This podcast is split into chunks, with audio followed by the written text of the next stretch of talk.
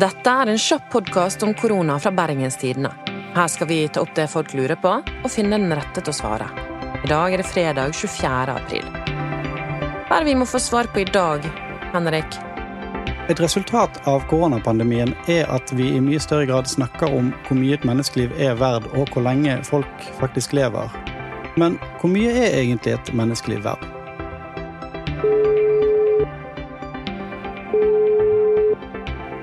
Hallo, Espen. Hei, Espen. Anna fra Bergens Tidende her. Hei. Espen Gamlund, du er professor i filosofi på Universitetet i Bergen.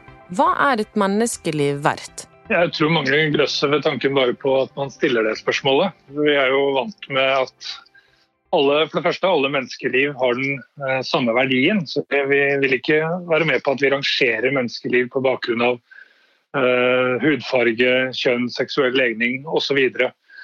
Uh, men og når vi skal forsøke å sette en tallverdi eh, på et menneskeliv, så er nok det også en veldig fremmed tanke for alle. Uh, men selv om det i teorien høres vanskelig ut, så i praksis så, så rangerer vi jo menneskeliv i den forstand at når vi skal gjøre helseprioriteringer, så må vi sette en verdi på, på det å forlenge menneskers liv. Når vi skal betale for medisiner, så må vi spørre oss hvor mye er vi villige til å betale for en medisin som kan forlenge livene til x antall mennesker med bestemte sykdommer. Slik at den, den tanken om at menneskelivet har en eller annen uh, ubestemt verdi, tror jeg er, uh, er uunngåelig praksis. Da. Mm. Når vi stengte skoler og barnehager og sånn, så gjorde vi det for å hindre smitte. Og da virker det som at uh, et menneskeliv er mer verdt den uken vi lukker barnehager og skoler, men kanskje det menneskelivet blir mindre verdt når vi åpner skole og barnehage. Hva tenker du til en sånn type påstand? Altså, du, vi kan angripe det på flere måter. En måte å angripe det på er å si at de tiltakene som ble iverksatt i, eh, i, midten av mars, når man ble oppmerksom på, på denne pandemien, og de alvorlige forventede konsekvensene av det var jo eh, ganske drastiske.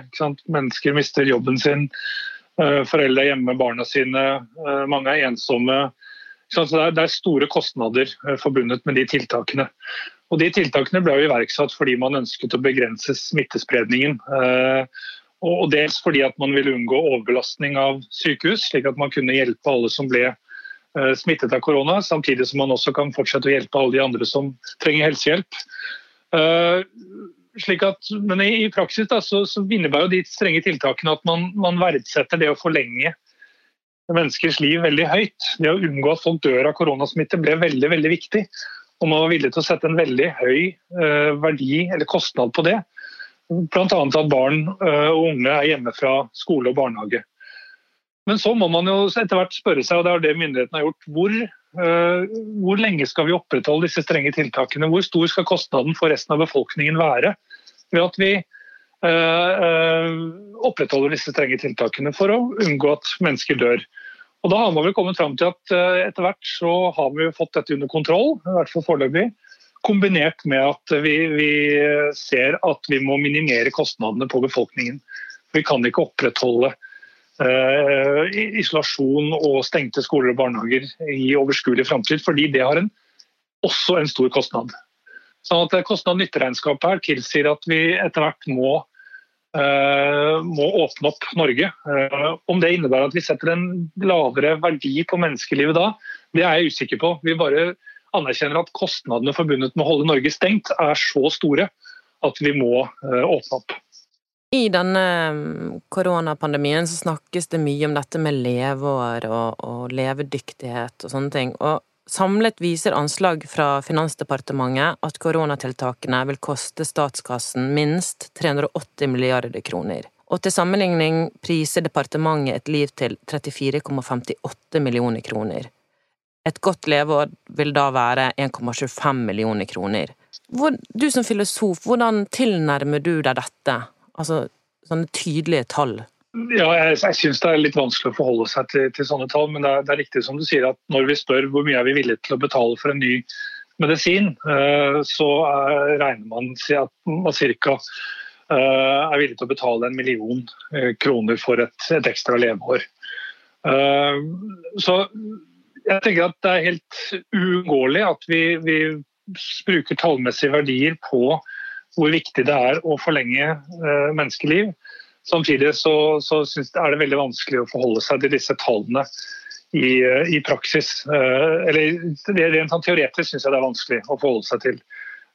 fordi Man kan spørre hvor, hvor viktig er et ekstra leveår for et menneske. Eh, et svar er at det er like viktig for alle, uansett hvem du er, hvor gammel du er, hvilken helsetilstand du er i osv. Et annet svar er vel at et ekstra leveår er, eh, er mer verdt for noen mennesker enn for andre mennesker. F.eks. kan man si at det er mer verdt for en 40-åring enn et ekstra leveår er verdt for en 80-åring. Og Det har jo sammenheng med hvor man befinner seg i livet og hva man kan få ut av det ekstra leveåret. Så eh, det er, det er, ubehagelig å diskutere eh, tall og sette tall på menneskeliv. Eh, også fordi at det blander inn alder, som har vært en faktor i, i korona.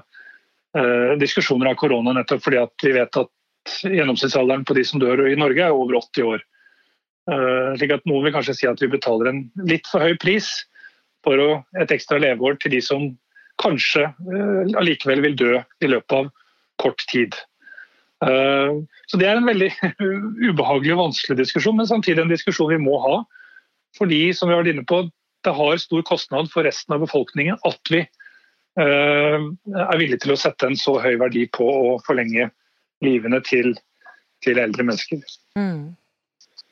Tror du at um, diskusjonen rundt verdien av et menneskeliv har endret seg fra tiden før korona til tiden vi står i nå, i en koronapandemi? Jeg tror det er litt for raskt å trekke de, de konklusjonene. Jeg tror vi må, må, må, nærme oss utgangen av denne krisen først. Men det jeg tror ganske sikkert er at det vil bli mer bevissthet rundt hvor mye penger vi er villige til å betale for å forlenge menneskeliv.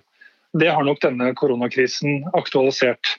Eh, nettopp det spørsmålet om, om hvor mye er et menneskeliv verdt, og hvor store kostnader skal samfunnet for øvrig ta for at vi skal forlenge livene til de som blir syke av en pandemi.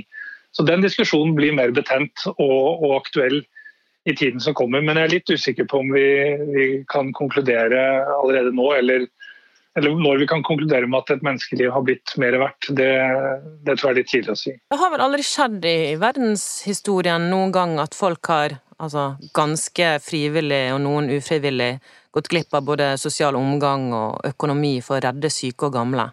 Hva tenker du om det?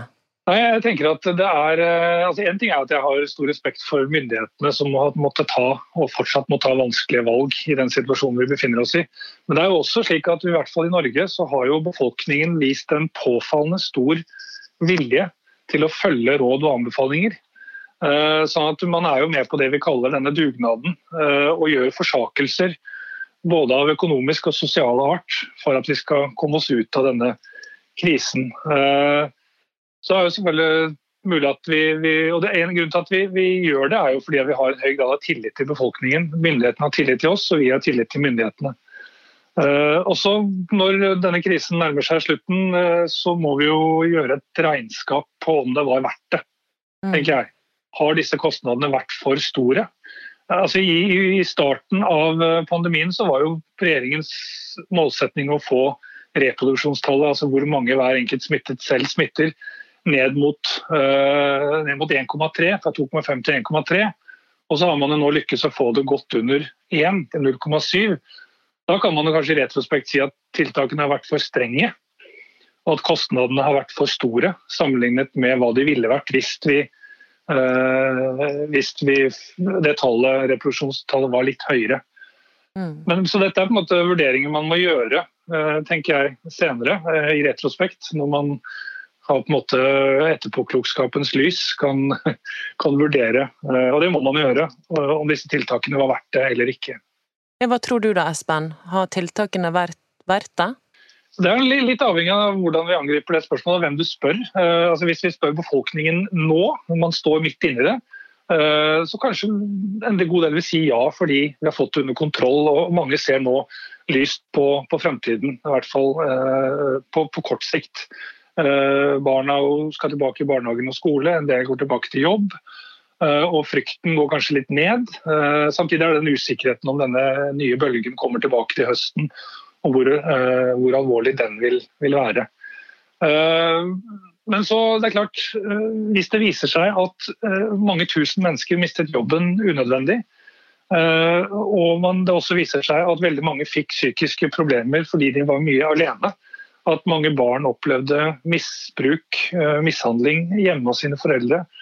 Eh, hvis det viser seg at vi får økte selvmordstall, så er det klart at det regnskapet der, eh, det vil jo være viktig når man skal konkludere på om det var verdt det.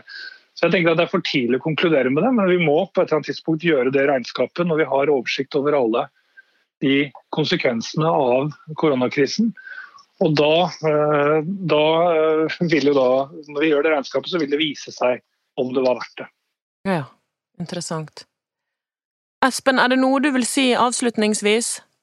Nei, jeg tenker bare at, eh, at eh, vi er antageligvis enda alt tidlig i denne krisen. slik at det er veldig uh, en god stund frem til vi kan gjøre de endelige vurderingene av om, om Norge har gjort det riktig eller ikke.